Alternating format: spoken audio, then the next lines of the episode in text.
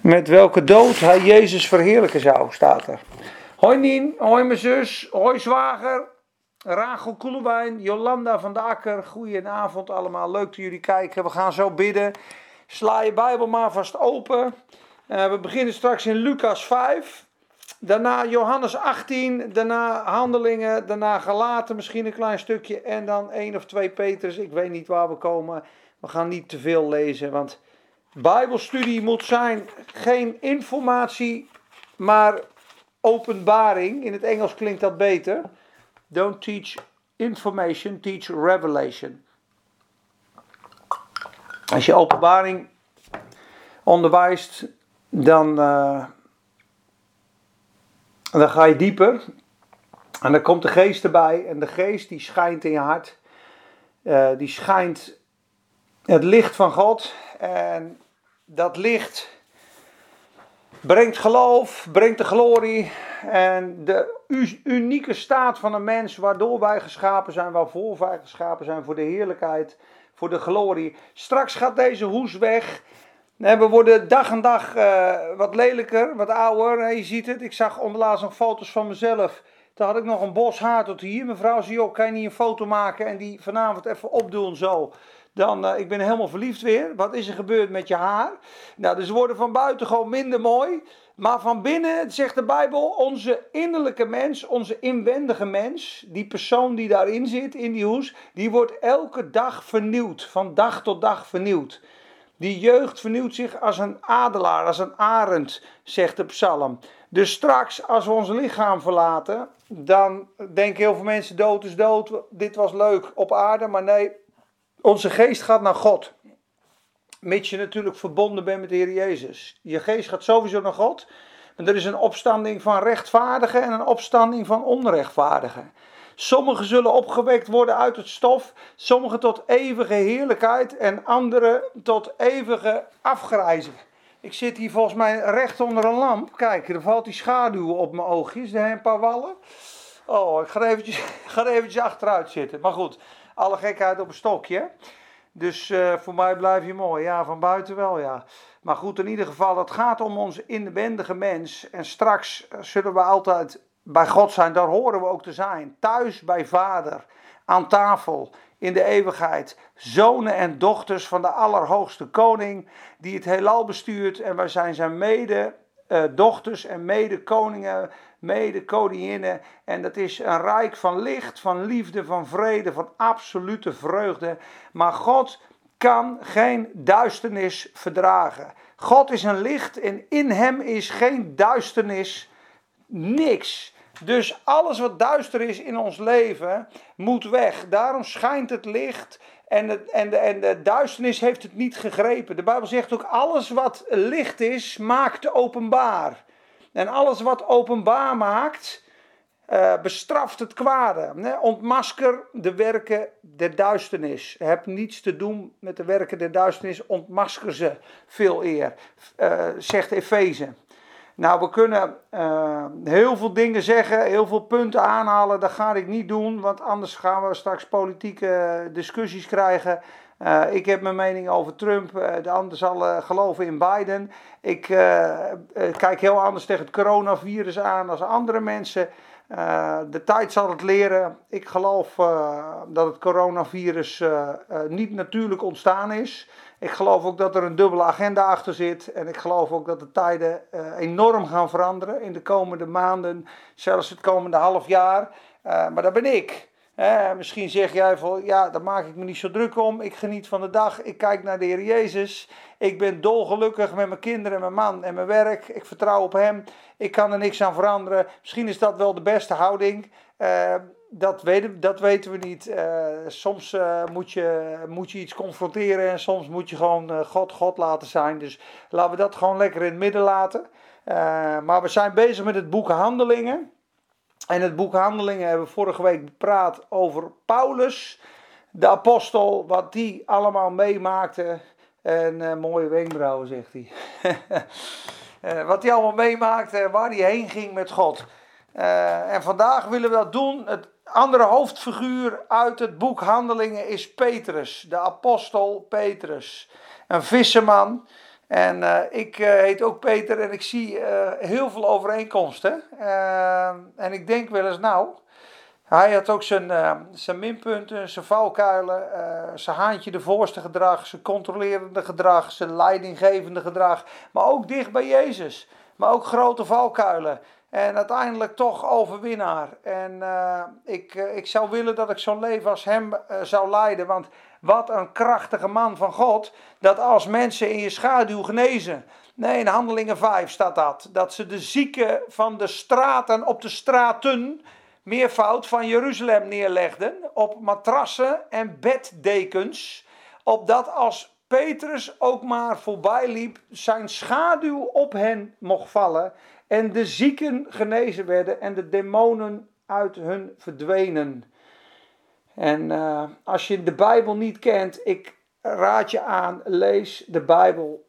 Bid tot God, vraag om de Heilige Geest, vraag Hem te tonen of Hij bestaat. Als je God niet kent, als je leeft in deze wereld, als je overspoeld wordt door media, als je denkt, joh, wat is het doel van het leven? Jij bent gemaakt door God met een doel. Hij is helemaal uh, idolaat van jou. Zijn ogen zijn op jou jouw haar op je hoofd zijn geteld. Je bent super speciaal.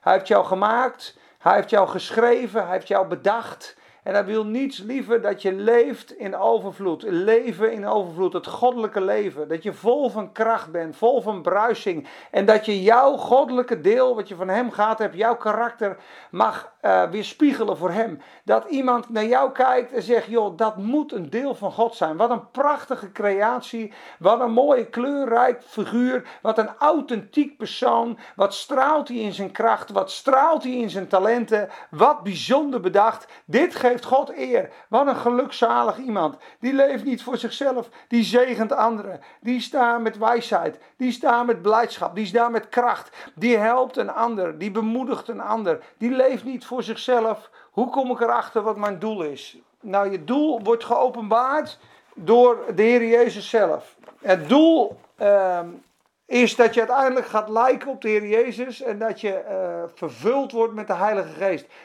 Ik geloof dat je je doel niet kan vinden in het leven zonder dat je de schepper in de ogen gekeken hebt en dat je zijn liefde ervaren hebt. Als je dat namelijk uh, kent, eh, ik zou je adviseren, ik weet niet of je God kent, om een alfa-cursus te doen. Maar de mensen die een alfa-cursus gedaan hebben, die komen huilend terug van dat weekend. En die worden zo geraakt door die liefde van God en die denken, joh, mijn doel is stralen, liefhebben, zegenen. Uh, en uiteindelijk gewoon worden, worden wie je bent. Ik denk dat dat het doel is. Hoe God jou bedacht heeft, dat je zo wordt. In al je kracht, in al je glorie. En dat je in vriendschap en relatie met God leeft. Dat je je hemelse vader omarmt en hij jou. En dat je van kracht tot kracht gaat. Dit is het doel, het, de wil van God, weet je wel, het hartsverlangen van God. Dat je ja, ja, ik denk dat je vrucht draagt ook. Hierin is mijn vader verheerlijk dat je veel vrucht draagt in je leven. Dat je vruchtbaar bent in wat je doet. En dat jij, uh, ja, kijk, als je werkt, als je werkt, wat is het doel als verkoper? Dat je veel deals sluit, maar dat je ook een gigantische goede relatie opbouwt met mensen. Uh, wat is je doel als je slager bent? Ja, de lekkerste stukjes vlees maken. Uh, wat is het doel in een huwelijk? Zoveel mogelijk je vrouw gelukkig maken. Wat is je doel als vader? Het allerbeste geven aan je kinderen. En ik denk ons, ons doel uh, in de schepping, ja, we kunnen het wel lezen in, in Genesis. Misschien wel leuk om even in te haken. Waarom schiep God de mens? Om zijn heerlijkheid te weerspiegelen. Om zijn glorie met jou te delen. En om zijn leven en zijn heerlijkheid te ontvangen. Het staat in Genesis 1 eigenlijk. Laat ons mensen maken, zegt hij in, uh, in Genesis 1, vers 26. Dat was een vraag Marijn Kok, 84. Nou, leuk dat je het vraagt, jongen. Deze is voor jou. En God zei: Laten wij mensen maken. Naar ons beeld, naar onze gelijkenis. Ons beeld, onze gelijkenis. God is meervoud: Vader, Zoon, Heilige Geest. Laten zij heersen over de vissen van de zee. Over de vogels in de lucht. Over het vee over heel de aarde en over al de kruipende dieren die op de aarde kruipen. En God schiep de mens naar zijn beeld, naar het beeld van God schiep hij hen, mannelijk en vrouwelijk schiep hij hen. En hij zegende hen en God zei tegen hen, wees vruchtbaar. Dat is je doel, hè? Wees vruchtbaar. Word talrijk. Vervul de aarde. Onderwerp haar. Heers over de vissen van de zee. Over de vogels in de lucht. Over de dieren. En God zei: Ik geef u al het zaaddragende gewas wat op de aarde is. En ze zei u tot voedsel. En al de dieren van de aarde en alle vogels in de lucht. En al wat op de aarde kruipt.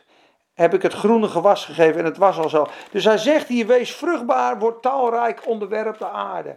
Dus een, uh, een steward steward over wat je gegeven heeft. Straks zullen we ook zien dat er ook een, best wel een verantwoording is. als God straks mensen in de eeuwigheid roept. Ehm, wat heb u met uw talenten gedaan? Staat er op een gegeven moment. Wat heb je gedaan met je talenten? En de er die zegt: Joh, ik had één talent, of eh, twee talenten, en ik heb er vier van gemaakt. En hij zegt: Ga trouwe dienstknecht. Ga in de vreugde van uw Heer. En dan komt er een die heeft er vijf en die maakt er tien van. Dus je hebt een gave om te dienen, of een gave om te profiteren, of een gave om te ondersteunen of te inspireren. Nou, als jij een inspiratie bent door de kracht van de Heilige Geest, dit is in, onmogelijk in eigen kracht. Daarom is het van essentieel belang, als je je doel wil vinden, dat je opnieuw geboren wordt. Dat je een relatie met God krijgt door de Heilige Geest op grond van het werk van Golgotha, het volbrachte werk. Kom tot mij, allen die vermoeid en belast zijn, en ik zal je rust geven. Dus iemand die niet thuisgekomen is, die God niet kent, die is in mijn ogen uh, uh, nog niet thuisgekomen. Laat ik het netjes zeggen. Die is nog aan het zoeken uh, misschien wat zijn doel is. Uh, misschien is zijn doel, joh, ik, ik ben de beste vader, ik geniet van mijn kinderen, ik doe goed mijn best op mijn werk en dan na 80 jaar sterf ik. Maar het echte doel in het leven kan alleen maar bewerkstelligd worden door de kracht van God in je. De kracht van zijn leven. Door de Heilige Geest. Dus daarom zegt Jezus bijvoorbeeld in Johannes 15: Zonder mij kunt gij niets. Zonder mij kunt gij niets wat van eeuwigheidswaarde is. Dus ik kan bijvoorbeeld deze Bijbelstudie kan ik niet geven in eigen kracht. Soms denken mensen, hij praat en de woorden komen. Ja, de woorden komen echt. Ik, als ik dit in mijn eigen kracht zou moeten doen, dan zou ik geen woorden hebben, zou ik stotteren, zou ik niet weten wat ik zou moeten zeggen. Maar op het moment, ik heb vanmiddag gebeden, ik heb van de week gebeden. Ik zei, Heer, wat zullen we delen? Zal ik nog wat delen over handelingen? En ik bid dan en ik kijk omhoog en ik krijg ik binnen Petrus. Petrus. Nou, dan gaan we het over Petrus hebben. En je positivitis, positief, positivisme. Dat is een mooi woord, is top Peter. Nou, ik zeg jou, Marijn, ik bid voor je. In, in Gods naam, dat je Gods doel mag ontdekken en voor mezelf ook en voor iedereen die luistert. Dat we allemaal tot ons doel mogen komen. Het doel missen is zonde. Dat is het woord, hè? To miss the mark. To miss the mark is hamartia in het Grieks, is zonde. De zonde is het doel missen, is verloren gaan tot, tot verderf. Dus dat je heerlijke biefstukken op het aanrecht hebt liggen en je doet er niks mee en er komt schimmel en maaien en ze, en ze verderven. Ze missen hun doel. Wat een zonde, wat een waste. Nou, zo kan je met de aarde omgaan, met je leven omgaan. En uh, natuurlijk is de Satan erop op gebrand om mensen bij God weg te halen, om ze verslaafd te maken, om ze pijn te doen, om ze in schulden te brengen, om ze constant bezig te houden met allerlei zaken. Maar we zijn gemaakt om te heersen over de Satan, over de kruipende dieren, over de slangen, over onze situatie, over ons karakter. En we mogen opgroeien in de kracht van de Heilige Geest, zodat wij koningen en prinsessen zijn die regeren in het leven.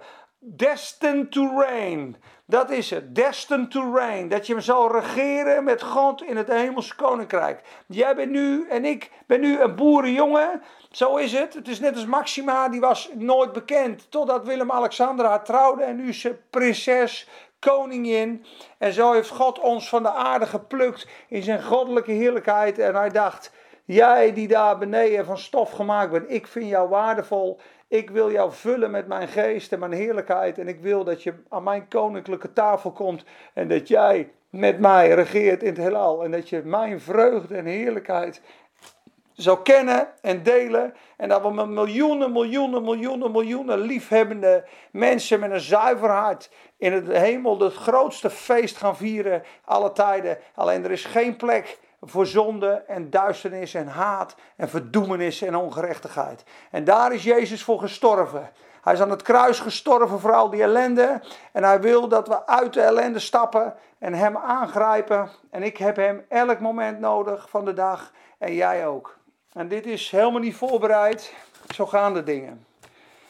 Oké, laten we beginnen met gebed. Vader, we danken u voor deze avond. We danken u dat u aanwezig bent hier in het kantoor en bij de mensen thuis. Wij nodigen u uit, want we verwachten het van u, Heer. U bent het begin en het einde. U bent de schepper. U bent de koning. U bent de grote creator van elk dier en elk mens en elke plant.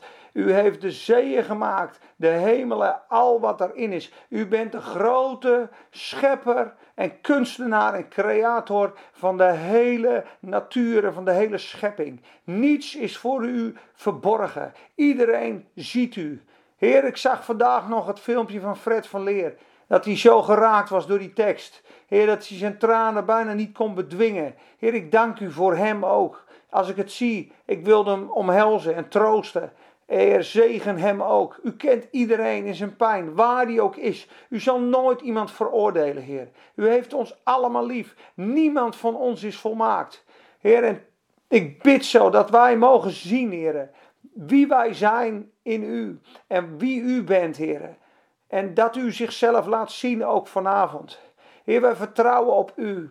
U bent het begin en het einde. Help ons, Heer. Wij roepen U aan. Help ons. Help ook dit land. Help ook, Heer, de hele aarde die in nood is, Heer. Die in verwarring is met zo'n virus. Heer, met alles wat er omheen gepaard gaat, Heer. Met eh, opstand, met stenen werpen in Barcelona, met politie die in huis is. Heer, we worden boos, we begrijpen het niet, maar we bidden u grote kracht, Heer, dat u die machten die erachter zitten wil breken. Heer, dat u de ziekte uit gaat rukken. Heer, en als dit biologische wapen werkelijk een biologisch wapen is. Heer, ik bid dat de gerecht, rechtvaardigen zullen oprijzen in de aarde.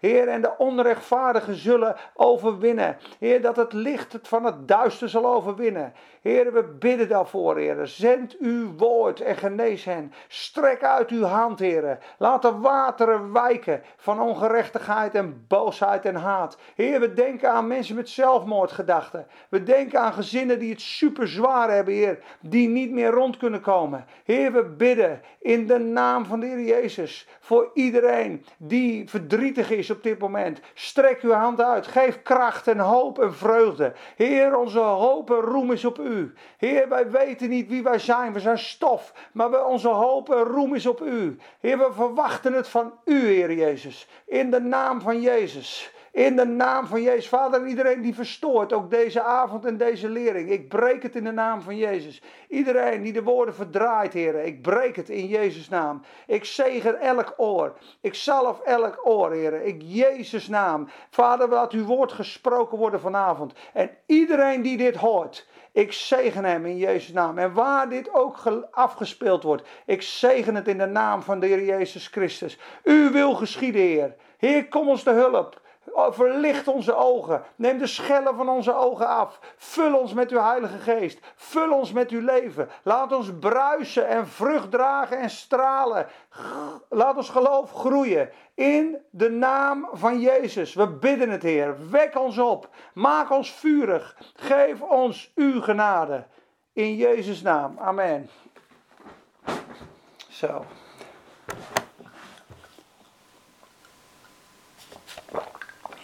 Wie geeft nou al die hatjes? Ik heb er zoveel hatjes voorbij gekomen, ik word er helemaal ontroerd van. Ik vind het wel mooi.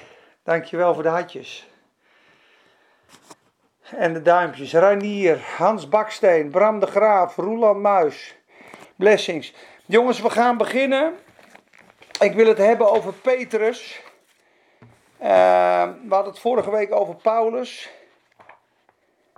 En het boek Handelingen willen we bestuderen. De volgende les gaat waarschijnlijk over alle gebeden in het boek Handelingen. Dat heeft mij zo geraakt met de studie.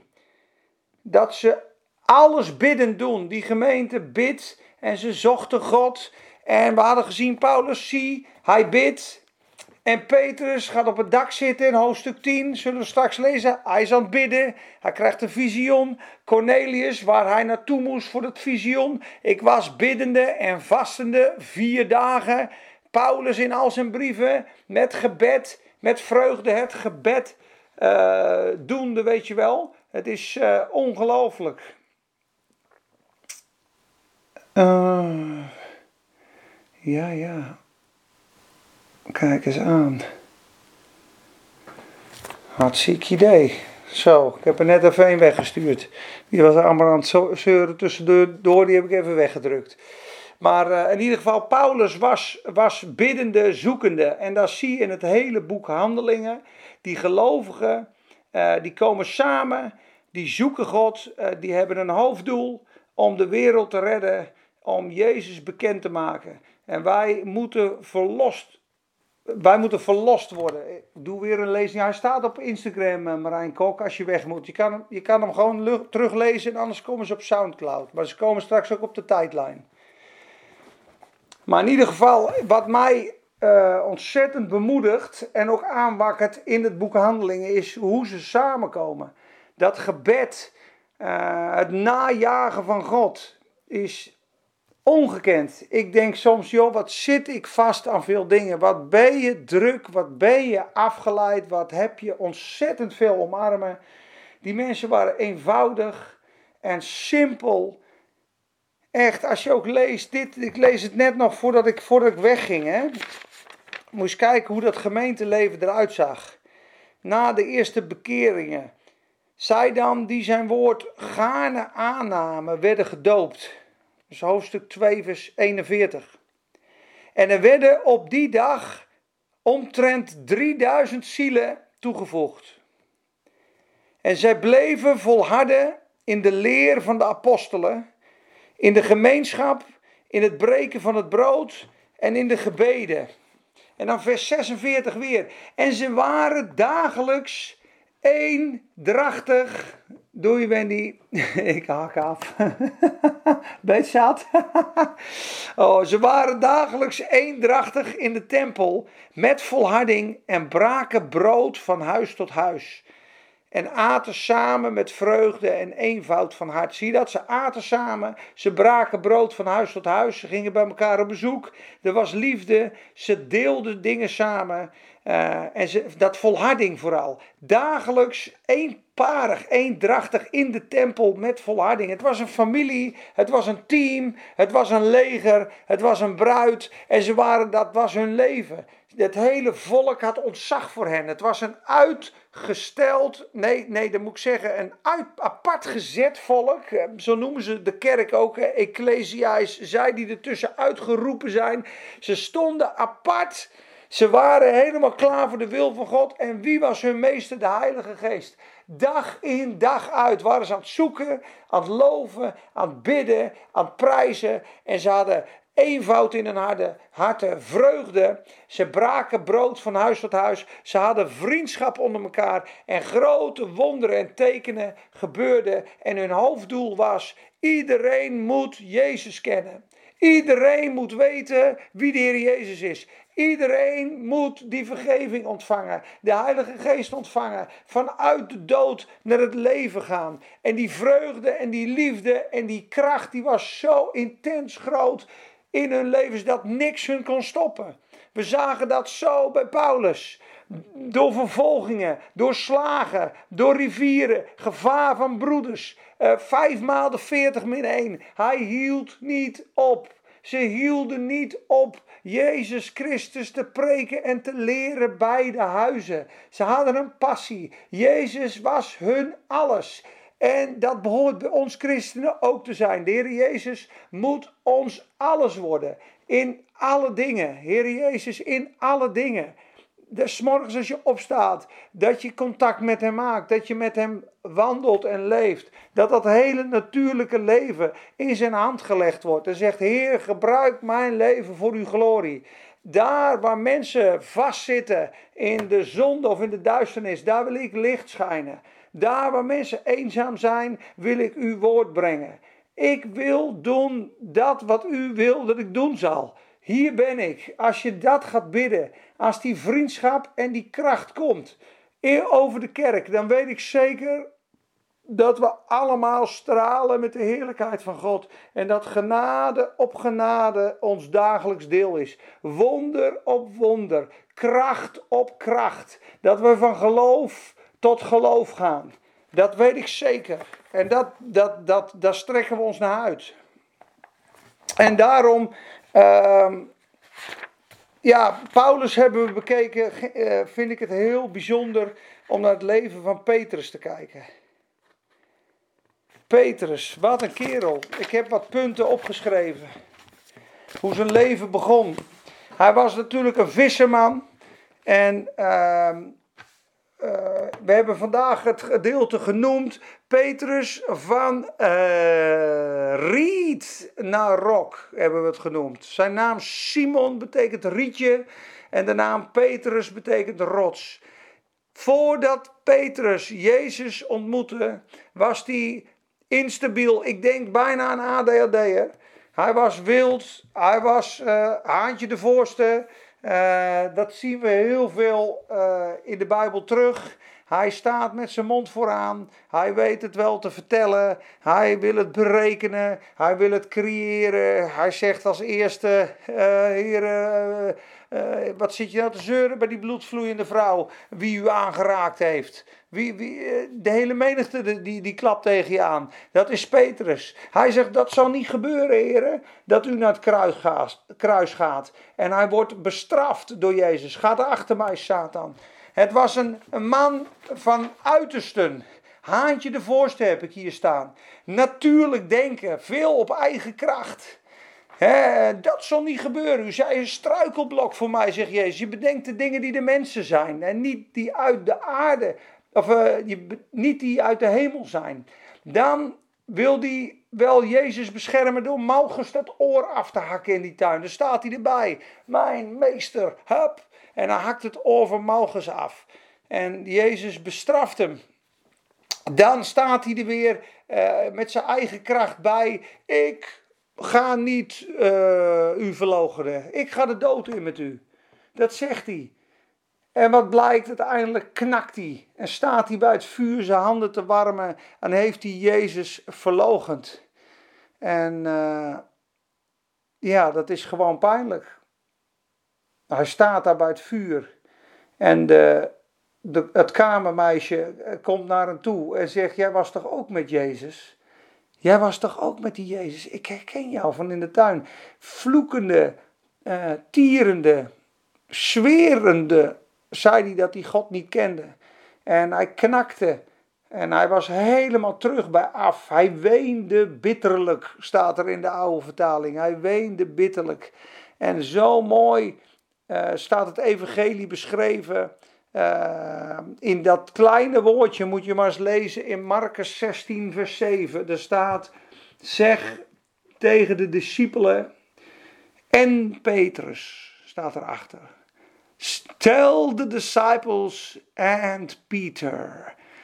We het maar eens lezen. Dat is prachtig. Dat is een preek van Watchmenie.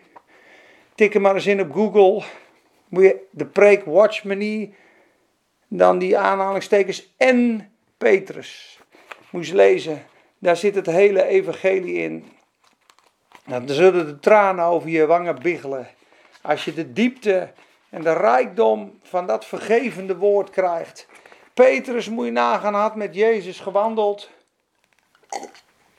Had met hem gelopen, had hij wonderen gezien. Had hem gevolgd. En had staan pochten. Ik ga met u de dood in. En Jezus zei: Voordat de haan kraait, Petrus, zul je driemaal gezegd hebben dat je mij niet kent. En hij kon het niet geloven. Dat toen hij in die zaal was, dat eerst die portierster, die meid zei, hé, hey, maar je was toch ook bij hem? Nee, nee, nee, nee, dit was een ander. En dan een stukje verder komt er iemand, hé, hey, maar ik hoor het aan je dialect. Je komt ook uit Galilea, toch? Jij bent toch een van die met Jezus was? Nee. En hij bezweerde en vloekte zich, zei hij. Ver, verdorie, ja, laat het maar niet hardop zeggen, maar in ieder geval, je weet wat hij zei. Misschien wel nog de zwaarste, die ken ik niet. Met vloeken en tieren en zweren. Toen kwam de, staat er een familielid van degene waarvan hij het oor had afgehakt. Kwam in die zaal naar hem toe. Ja, maar ik weet het zeker, u was met hem. En in het verhaal van Lucas staat er dat de Heer werd geslagen en gebonden op dat moment. En keek, draaide zich om en keek Petrus recht aan.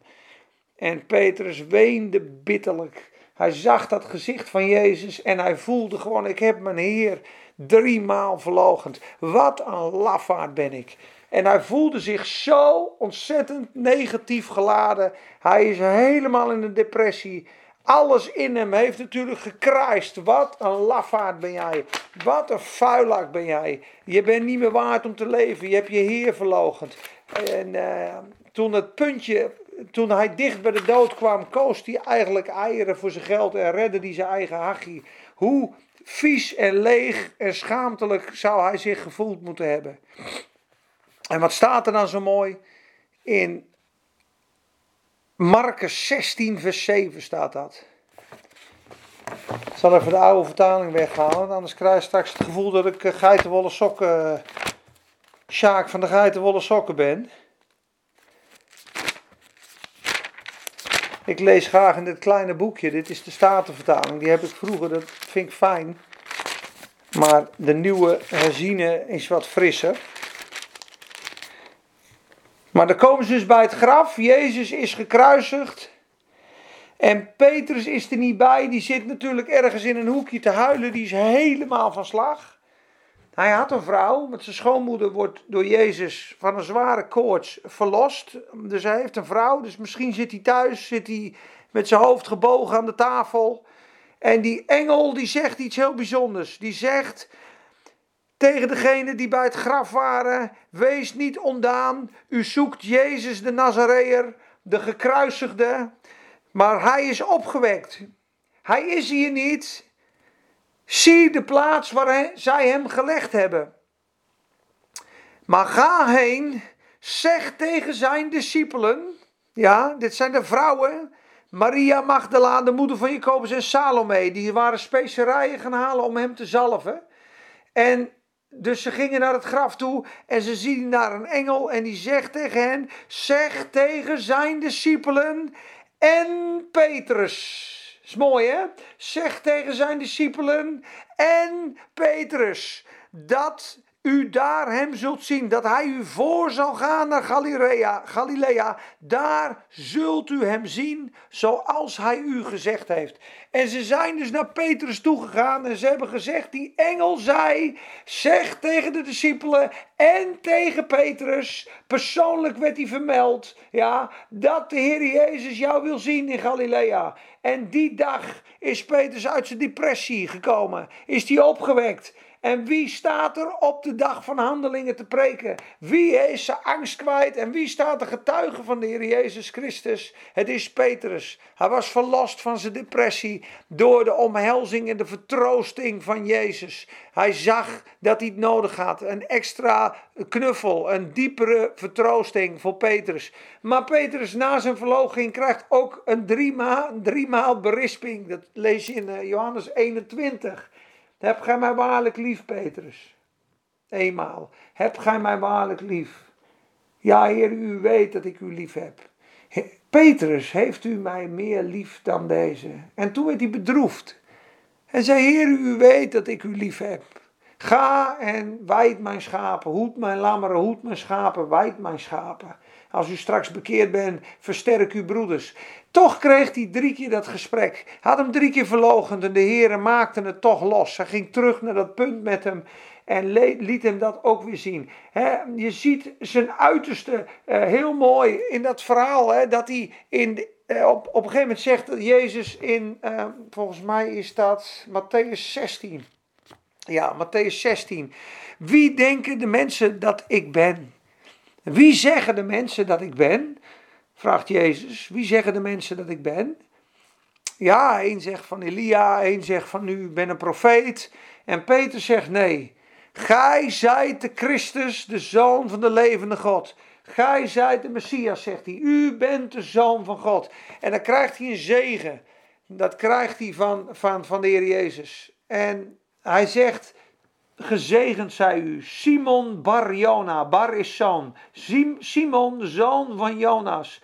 Gezegend zij u, want vlees en bloed hebben u dit niet geopenbaard, maar mijn Vader die in de hemelen is. Hij had een goddelijke openbaring gekregen wie Jezus was. Wat een zegen. Maar nog geen kwartier later, als Jezus zegt, we gaan op naar Jeruzalem, dat zal geen zins gebeuren, heren. Kreeg hij een gigantische vermaning van de Heer Jezus. Ga achter mij, Satanas. Want je bedenkt de dingen die de mensen zijn en niet dus van de Heer zijn. U bent een struikelblok voor mij. Dus een man van uiterste. Een man van uiterste op met de voetwassing. Als hij zegt, gij zult mijn voeten niet wassen. Wat was het voor een kerel? Impulsief. Want eh, gij zult mij de voeten niet wassen tot in eeuwigheid. Als ik uw voeten niet was, Petrus, heeft u geen deel aan mij. Ik wil dat je me laat dienen. Ik wil jou dienen. Gij noemt mij meester. En dat is ook zo. Maar dit doe ik tot een voorbeeld. En had de voeten gewassen. En hij moest zich laten dienen door Jezus. Zo'n omgedraaide wereld. Dan mijn hele lichaam. Zie dat? Zo zwart-wit als die is. Dan mijn hele lichaam. Nee, wie, wie gewassen is, is schoon, zegt Jezus. Net als met Malchus. Dat oor eraf. En dan gaat hij maar weer. Snap je? Hij was visser. Hij was getrouwd. Zijn schoonmoeder had koorts. Hij, uh, hij woonde in Bethsaida. Haantje de voorste. Hij verlogende. Uh, maar hij had ook een diepe openbaring. Hij kwam zichzelf tegen toen hij Jezus verloogde in de, in de bitterheid. Hij werd opgewekt door Jezus weer. Uh, of getroost moet ik zeggen, hè, met en Petrus. Uh, ups en downs. Hij is in Matthäus 17 met Jezus op de berg der verheerlijking. Hij ziet de glorie. Hij was in de inner circle van Jezus, heb ik ook staan. Hij, Jezus stond bijvoorbeeld niet toe in het huis van het dochtertje van Jairus eh, dat anderen meegingen. Hij, hij stond alleen toe dat Petrus, Jacobus en Johannes met hem meegingen. En hij nam mee op de berg Petrus, Johannes en Jacobus. en, en prediker zei wel eens, zij kozen ervoor om dicht bij Jezus te zijn, die drie. Dat waren ze, uh, die lagen hem nog meer aan het hart. Daar kozen ze voor. Hij, daar waren ze vrienden. Hij stond die anderen niet toe. Waar zijn de mensen die met hem bidden in de tuin? Het is weer Petrus, Jacobus en Johannes. Ze gaan met hem mee, waar hij ook gaat. Op die berg de verheerlijking. Dan zien ze Elia en Mozes. Petrus schrijft daarvan in zijn tweede brief. 2 Petrus 1, vers 17 tot 19, voor degene die het na wil lezen. Daar staat, toen wij met hem waren op de heilige berg, toen mijn zoon heerlijkheid uit de hemel hoorde. Dit is mijn geliefde zoon, hoor naar hem. Dat gedeelte heeft hem zo hard aangeraakt ook. Dus Petrus was op de berg van verheerlijking. Hij was ook een berekend persoon, want hij is degene die zegt tegen Jezus: Hoe vaak moet ik mijn broeder eigenlijk vergeven? C tot zeven maal tot zevenmaal. Hij is degene die zegt, heer, eh, we hebben alles achtergelaten. Uh, wat levert het eigenlijk op? Hij was ook een, een, teller. Hij was uh, ja, een, een, unieke vogel. op het moment dat dat net vol met vis is, dan valt hij aan de voeten van Jezus. Ik ben een zondig mens. Nou, die Jezus, of die Petrus, die natuurlijke, instabiele, uh, unieke man van uiterste. Dat wordt zo'n krachtige apostel. En wat ik maar wil zeggen, en dat was ook het punt van vorige week, wat ik wil uitdiepen, is: wat gebeurt er in je leven als je Jezus ontmoet? Wat gebeurde er met de spijkerharde fariseer die Paulus was aan het eind van zijn leven? Was die, stond hij bekend als de meest zachtmoedige, genadige apostel. Hij was totaal veranderd en omgedraaid. Ja, we kunnen ook een keer een studie houden over Johannes. De zonen van de donder noemde die. Dat waren knetterkeiharde rakkers. Boagernes of zo staat er. Hè? Zonen des donders. Wat wordt Johannes? De apostel van de liefde. Dus die harde, eh, robuuste visser, die, die, die, die, die opvliegerige man, werd de apostel van de liefde. De licht en, en het liefde. En de instabiele Petrus maakt die de rots van de gemeente. Dit is wat Jezus met mensen doet. En ook al twijfelen wij, ik twijfel, ben je onzeker, heb je minderwaardigheidsgevoelens en denk je van ja, hoe dan? Of ik begrijp het niet, of uh, ik, ik kan het geen plek geven. Uh, we mogen erop vertrouwen dat Hij die een goed werk in ons begonnen is, het af zal maken. En dat als je je toevertrouwt aan Jezus, dat Hij een werk in je doet. En als je de kracht van de Heilige Geest in je laat werken, dan belooft Hij dat je veel vrucht draagt. Blijf in mij, dan draag je veel vrucht. Dat staat er. Hey Chris en Janneke! Hey, Wim Heek, Kebba is er ook. We hebben het over Petrus in het boek Handelingen. En zijn leven. Ik zal u nooit verloochenen. In de cirkel. Angst voor de dood, hè, dat had hij. Ruw, vloekend, tierend en zwerend. Verdrietig en gevoelig. Oplettend en scherp. Hij kon niet waken één uur met Jezus. Persoonlijk getroost en hersteld. Haantje de voorste, de sprekende leider. Ja. Extreem bij de voetwassing, dicht bij Jezus, Jezus, Malchus oor. Ja goed, dat is in ieder geval, we hebben nu wel behandeld hoe Petrus was. Hoe die was als discipel. En uh, wat is er nou gebeurd met die visserman die visjes ving, die nog heel veel karaktertrekken had, die, waarvan je denkt, nou, moet die de hele wereld op stel te gaan zetten? Gaan er mensen genezen in de schaduw van Petrus? Wat is er nou gebeurd met die mens Petrus? Dat rietje, Simon, de riet, werd Petrus de rots. Wat is er nou gebeurd? Want hij staat in handelingen zonder schroom voor het Sanhedrin. Dan is hun rug kapot geslagen. Zijn ze berispt dat ze niet meer mogen spreken in de naam van de Heer Jezus. Ik zal de overheid gehoorzamen als ze tegen mij zeggen: ehm, we moeten een mondkapje op. Dan ga ik het doen. Als ze zeggen daar en daar mag je niet harder dan 50. Ik hou me er niet altijd aan, maar ik, mijn intentie is om dat te doen. Maar goed, ik ben een jonge vent. Laten we dat even, uh, even links neerleggen. Maar als de, als de uh, overheid zou zeggen: luister, ik wil uh, dat je dat doet en het zou niet de wet van God breken, dan zou ik dat doen. Ja? Maar zodra de overheid zou zeggen, net als tegen Petrus, wij verbieden u om te praten en te spreken in de naam van de Heer Jezus, dan zou ik het niet doen. Ook al zouden ze me opsluiten. Maar dat gebeurt namelijk met Petrus. Nadat ze hen gegezeld hadden en ernstig gedreigd hadden om niet meer in de naam van Jezus te spreken, verlieten zij de raad. Maar ze waren verheugd dat ze smaadheid mochten lijden om de naam van Jezus. En gingen naar de zijnen en vertelden al wat de hoge priesters met hen gedaan hadden.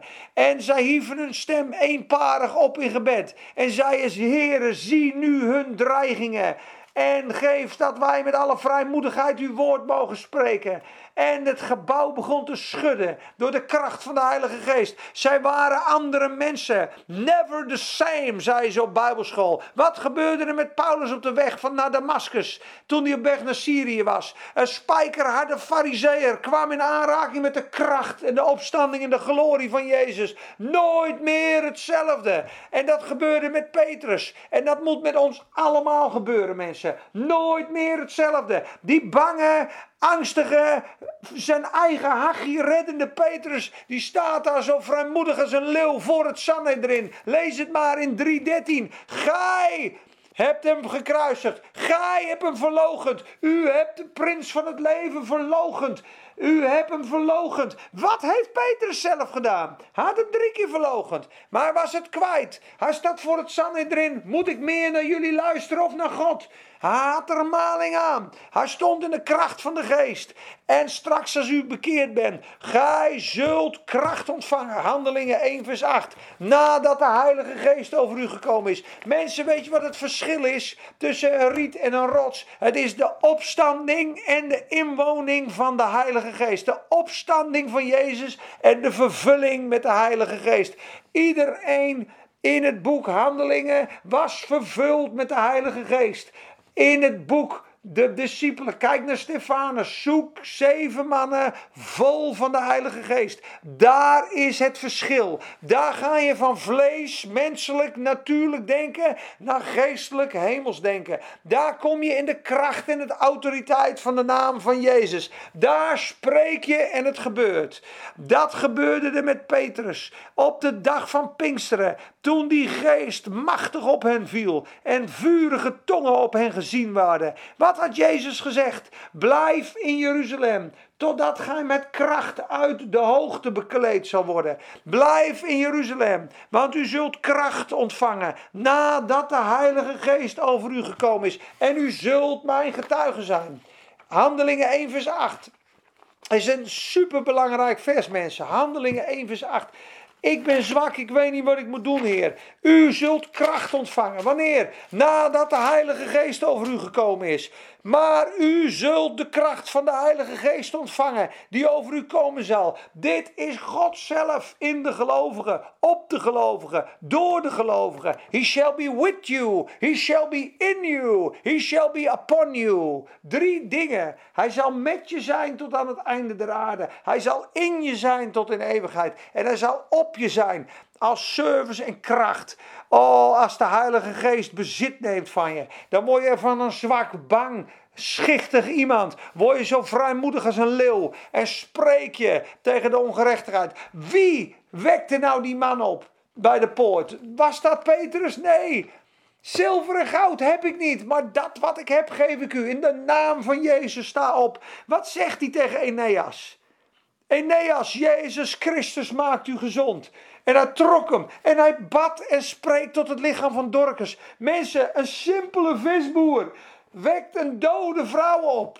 In het boek Handelingen. Het was realiteit. Deze Petrus was niet anders als jij en ik. Stefanus was niet anders als jij en ik, maar ze hadden hun leven gegeven aan de Heer Jezus. En ze waren vol van het woord en van de Heilige Geest en van wijsheid.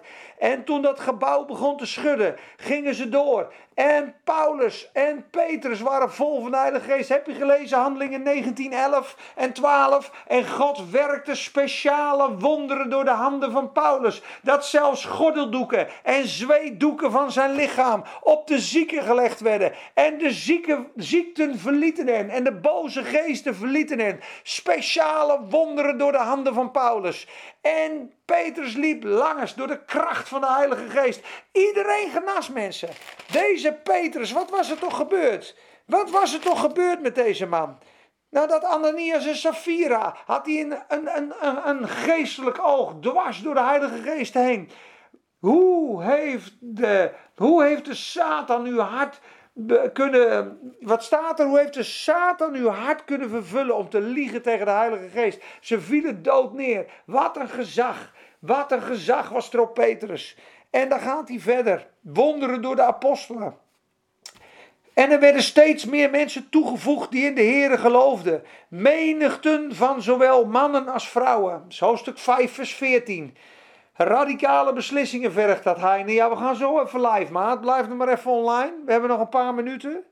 Dat is leuk. Zodat zij de zieken naar buiten droegen op de straten. Meervoud. En hen op bedden en lichtmatten neerlegden. Opdat wanneer Petrus voorbij kwam, ook maar zijn schaduw op iemand van hen zou kunnen vallen. En men bracht de zieken en die door onreine geesten gekweld werden. En zij werden allen, allen genezen. Allen genezen. En hij legde zijn hand op allen. Staat er, zag ik vanmorgen nog in Lucas 4. En hij legde iedereen persoonlijk de handen op. Alle die ziek waren. De Heer Jezus was dat. Dus we zien daar Stefanus. We zien daar Petrus. En Petrus die gaat door vanaf hoofdstuk 6, 7 en 8. Krijgt natuurlijk Stefanus en Paulus in hoofdstuk 9. En dan begint weer Petrus. En dan moet je eens kijken waar we het op gaan pikken. ik word een beetje enthousiast. Hè? Ik begin nu een beetje in de preaching anointing te komen. Onderwijs is het rustiger, is leerstelling, is tekst. En als je dan gaat preachen, dan begint het te stromen. En dan word je een beetje wild. We are in crusade modus nou, zeggen ze dan. Hè? Maar uh, hoofdstuk 9, daar begint het weer. Het slaat even een stukje over en dan pakken ze Petrus weer. En het gebeurde dat Petrus, toen hij overal rondreisde. Zie je dat hij daarmee bezig was? Hij was bezig met die handelsopdracht. Hij had de kracht van de Heilige Geest ontvangen. En u zult mijn getuige zijn. Hier in Jeruzalem, in Samaria en tot de uiteinde van de wereld. Daar was bezig met die opdracht. Hij was echt daarmee bezig. Het gebeurde dat Petrus, toen hij overal rondreisde, ook bij de heiligen in, in Lida kwam. En dat was Eneas. We hebben het al een paar keer gezegd. Eneas, Jezus Christus maakt u gezond.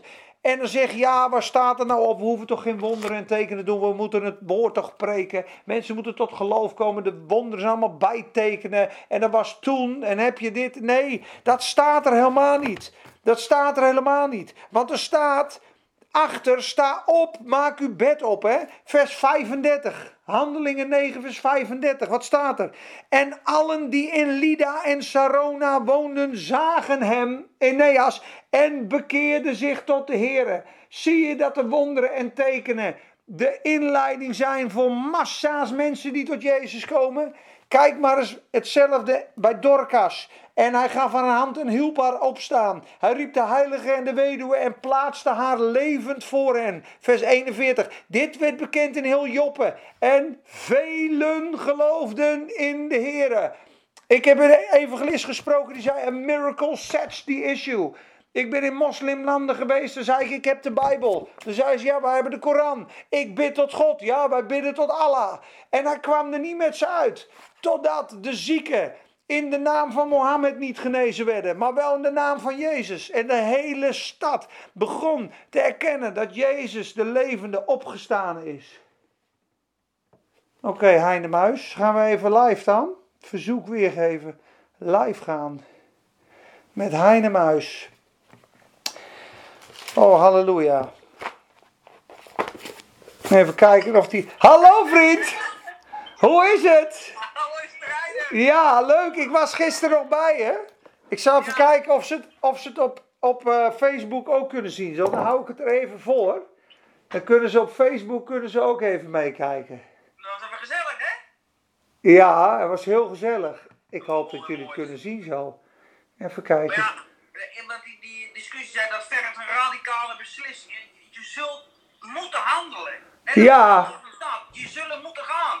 Ja. Nee, 100%. Ik, ik ben zelf 100% degene die kan erkennen, ik ben nog niet in dat leven van handelingen. Gelukkig mensen, er is hoop. Want er zijn grote godsmannen in het verleden geweest, die hebben er 14 jaar over gedaan om in de realiteit van het boek Handelingen te wandelen. Dat is niet zomaar dat je daar bent, maar je kan je wel uitstrekken dat uh, de prediker van Bijbelschool zei altijd tegen mij: Do you believe in the book of Acts today?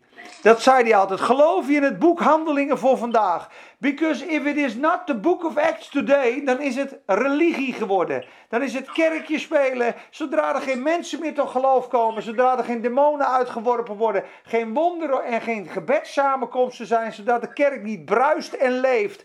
Alles wat je leest in het boek Handelingen is een gezonde blueprint hoe het christelijke leven eruit zou moeten zien. Kracht op kracht, wonder op wonder, teken op teken en de Heilige Geest die regeert en de kerk die als een leger bidt. Iedereen had ontzag, het hele volk had ontzag voor ze.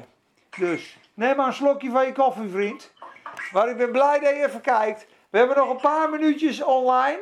En uh, ik ga nog even hoofdstuk 10 doen van, uh, van uh, handelingen. En dan misschien nog hoofdstuk 12, want dat is ook wel leuk. Dus de hele gemeente voor hem aan bidden. Dan komt hij uit de gevangenis, daar hebben we het nog over. En dan geloven ze het niet. Het moet zijn engel wezen. Petrus staat niet voor de deur. Dat kan niet waar zijn, zei ze. Maar er stond er wel, hè? Halleluja. Adios, hè? Hoi. Succes. Hoi. Hoi. Blessings. Kijk hoor, we moeten nou weer terug gaan. Oh ja, goed zo. Nou goed, in ieder geval, het hele dorp kwam tot geloof in Joppe. En in Sarona en Lida bekeerden zich velen tot de Heren. Nou, dan kom je in hoofdstuk 10, is er een man in Caesarea Cornelius. Dat is een Romeins iemand die heeft ontzag voor God, die gaf aalmoezen en die deed gebeden. En die krijgt bezoek van een engel. En die zegt, joh, Petrus is in Joppe bij een Simon de leerlooier. Hij logeert daar in huis. Stuur wat mannen naar hem toe. Hij zal naar u toe komen en woorden van leven over jou gaan spreken. En uh, hij doet dat. En op een gegeven moment staat Petrus, zit op het dak, ze zijn aan het bereiden, hij is aan het bidden tijdens het middaguur. Wat doet hij? Hij is in gebed, hij krijgt een visioen van de Heer Jezus. En hij staat met die dieren, weet je wel, slacht en eet. En hij zegt, geen zins heer, ik heb nog nooit iets onreins gegeten. Hij was een Jood, hij was coacher, hij had nog nooit iets onreins gegeten. Maar de geest zei, wat ik geheiligd heb, zult u niet onrein verklaren. Slacht en eet. En hij begreep niet wat het was. En dan staat, hij, hij twijfelde in zichzelf en dacht in zichzelf wat dit visioen moest wezen. Toen zei de geest tegen hem, zo mooi, toen zei de geest tegen hem, drie man zoeken u. Drie man zoeken u. En daar kwamen ze bij de poort en dan legden ze hem alles uit. We waren vasten en bidden en Cornelis is in zijn huis en u moet meekomen om woorden van leven te spreken. Toen begreep hij dat het evangelie niet eens alleen naar de Joden ging, maar ook naar de heidenen. En wij zijn mede erfgenamen geworden. We begrijpen daar geen fluit van, mensen, maar dat is het grootste goed wat wij als heidenen ooit gekregen hebben. Het grootste geheim in het evangelie, dat ook de zegen van Israël en het volk van God ook op de heidenen gekomen is. Wij die er eerst niet bij hoorden, zijn nu ook ingelijfd als in Israël ingelijfd door de zegen van God. Dus wij mochten erbij horen. En Petrus spreekt en de Heilige Geest viel op allen toen hij het woord preekte. Eigenlijk moeten we handelingen tien keer gaan lezen en bestuderen. Ik moet er nu snel doorheen. Maar als je ziet in vers 43. Uh, nou goed, laten we zijn preekje even lezen. Wat het preek was, dit is er gewoon een keiharde outline van een goede preek. Hè? Als je dus denkt van wat moet ik preken? Er zit alles in vanaf hoofdstuk 10 vers 34 tot het eind. En dan zegt hij, Petrus opende zijn mond en is in het huis van Cornelius en hij zegt, ik zie nu in de waarheid dat God niemand aanneemt om de persoon. Maar in ieder volk is degene die hem vreest, die hem ontzag voor hem heeft, die hem aanbidt en gerechtigheid doet, hem welgevallig. Dit is het woord dat hij gezonden heeft tot de Israëlieten, waardoor hij vrede verkondigt door Jezus Christus. Deze is de Heere van allen.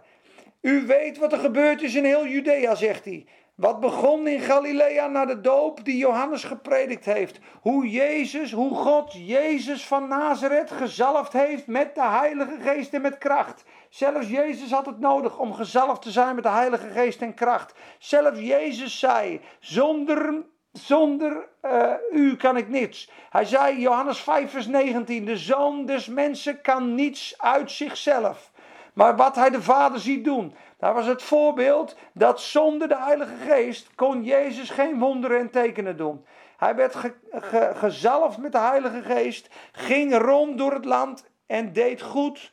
En allen die door de duivel overweldigd waren, genas hij, want God was met hem. Nou goed, op een gegeven moment preekt Petrus en dan zegt hij van hem getuigen al de profeten, vers 43 dat een ieder die in hem gelooft vergeving van zonde zal ontvangen door zijn naam. Iedereen die zich aan Jezus toevertrouwt en zijn zonde erkent, zal vergeving van zonde ontvangen. Terwijl Petrus deze woorden nog sprak, viel de Heilige Geest op allen die het woord hoorden. En daar staat in de grondtekst, mensen, viel is het woord embrace with affection. Ik heb het opgezocht. De Heilige Geest omhelsde met affectie allen die het woord hoorden. Ze geloofden in de prediking van Petrus. Jezus is de gekruisigde Heer. En ze namen hem aan. En de Heilige Geest bevestigde dat. En toen Petrus dat zei, zag, toen zei hij: Wie kan het water nog weren voor deze? En hij beval dat ze gedoopt werden in de naam van die Jezus. En er was één groot feest. En daarna gaat Petrus terug, laten we nou maar het verhaal afmaken, in hoofdstuk 11 naar de Joden. Dan zeggen ze, joh, ben je gek geworden? De Joden mogen helemaal niet met de heidenen in aanraking komen. En toen legde hij hen uit, joh, kreeg het visioen.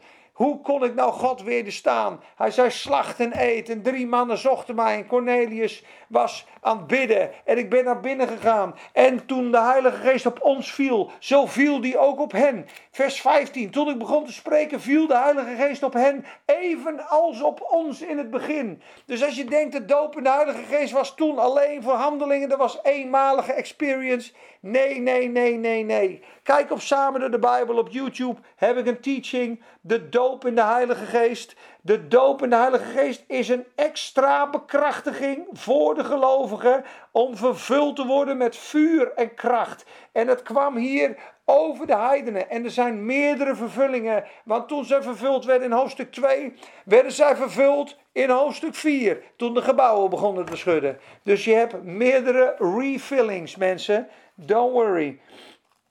En toen zeiden ze nou aan het eind, dan heeft God dus ook de bekering ten leven aan de heidenen gegeven. Dat zeiden ze. Toen stelden ze hem gerust. Ze verheerlijkte God en die zei, joh, God heeft aan de heidenen de bekering gegeven die tot het leven leidt. Nou, dan gaan ze preken in Antiochieën. En dan op een gegeven moment in hoofdstuk 12 laat uh, Herodes Jacobus onthoofden en ziet hij dat de Joden dat fijn vinden. Heb nu maar even die ingeschakelde melding aangezet. Ja. Kijk in beeld brengen. ja, ik ga volgende keer mee live, maar ik heb nog maar een paar minuten, uh, Ramon Konijn. Willem zie je overal. Ik heb nog een paar minuten, dus uh, anders dan uh, stop de tape op Insta. Dan heb ik nog maar een uur, dus ik hou je in mijn gedachten. Maar in ieder geval, toen Herodes zag dat de Joden een welbehagen hadden, had, dat, ze, dat hij de, de discipelen en de apostelen aan het vervolgen was. Uh, en toen hij zag dat dat welgevallig voor de Joden was, ging hij verder door ook Petrus te grijpen. En Petrus ligt slapend in de gevangenis tussen vier wachters, met vier wachters om hem heen. En er staat, er werd door de gemeente voortdurend gebed gedaan. Uh, dat staat er. En uh, er stond een engel van de Heer. Oh ja, even kijken hoor. Ja, vers 5.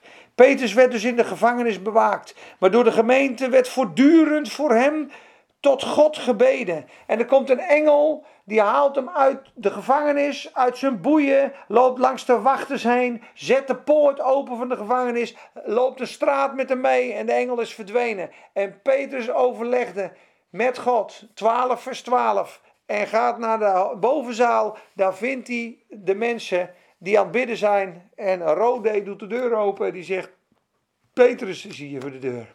Dan zeggen ze: Ja, je bent echt niet goed bij je hoofd. Ze zegt ze: Nou, echt, hij staat er. Nou, dan moet het zijn engel zijn, zeggen ze. Nee hoor. En Petrus komt binnen.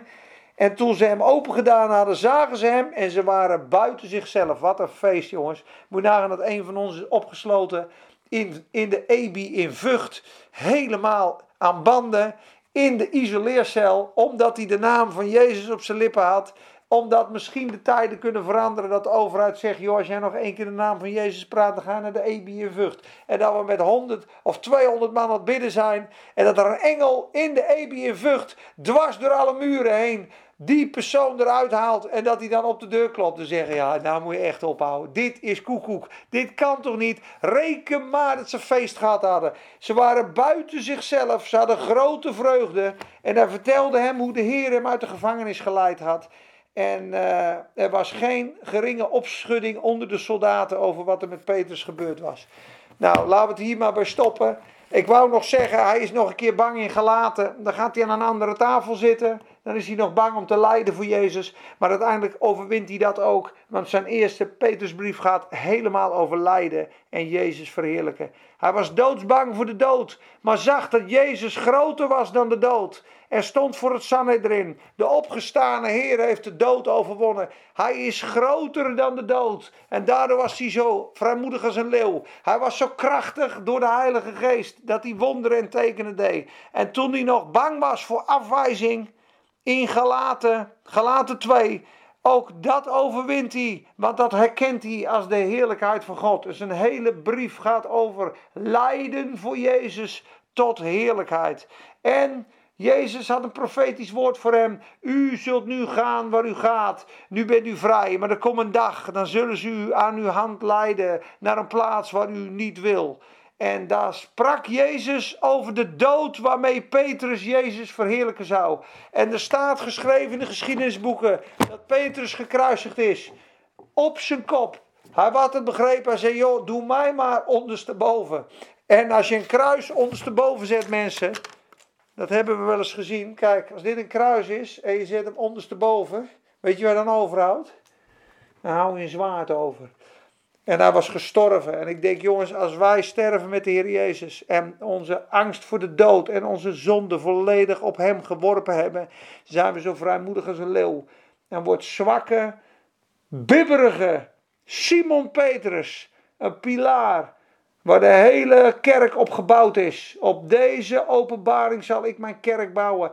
En de poorten van de hel zullen het niet overweldigen. De poorten van de hel zullen de gemeente niet overweldigen. En ik geef u de sleutels van het koninkrijk, Petrus. Dat al wat gij bindt in mijn naam zal in de hemel gebonden zijn. En al wat gij ontbindt zal ontbonden zijn. Gezag van Jezus kreeg hij. En dat is ook voor jou en ook voor mij en voor iedere gelovige. Laat je niet beroven van die waarheid.